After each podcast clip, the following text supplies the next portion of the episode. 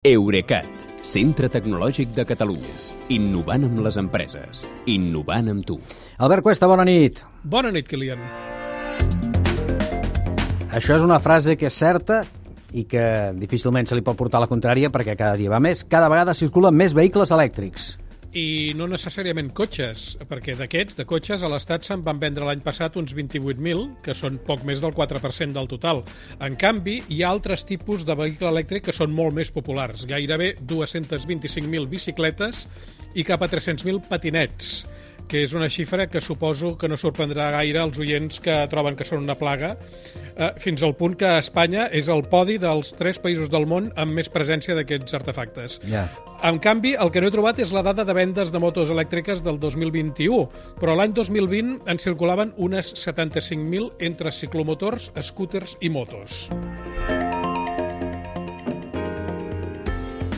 I precisament de motos elèctriques parlem ara, eh? però en un entorn, diria, molt diferent de l'urbà, seria més camp.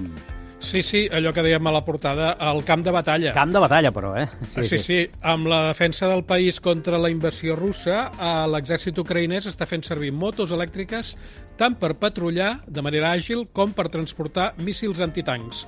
Uh, la web Motherboard publica imatges que procedeixen de canals de Telegram on es veuen motos modificades amb un estoig molt gros al portapaquets del darrere i a dins hi ha un llançador lleuger de míssils, tot i que no es dispara directament des de la moto. El que fan els artillers és acostar-se amb la moto als objectius, disparar i fugir de seguida gràcies als 50 km per hora de velocitat màxima, que són molt per sobre del que podria aconseguir un soldat a peu. Certament. Ah, L'avantatge principal d'aquestes motos elèctriques en combat és que a l'enemic li costa molt detectar-les, tant perquè són molt més silencioses que les de combustió, com sabem, i també perquè emeten menys escalfor. Les que fa servir l'exèrcit ucraïnès són de les marques Delfast i Elec, que totes dues estan fabricats al mateix país.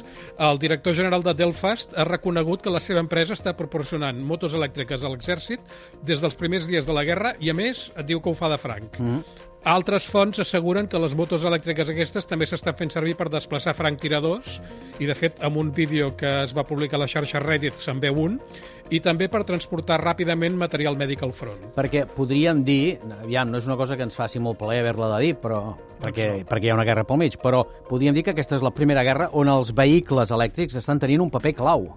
Uh, probablement. Uh, a veure, t'he de dir que se sap que tant l'exèrcit australià com el dels Estats Units han fet proves o estan fent proves amb motos elèctriques, però en el cas d'Ucraïna sembla confirmat que les motos elèctriques han entrat en combat.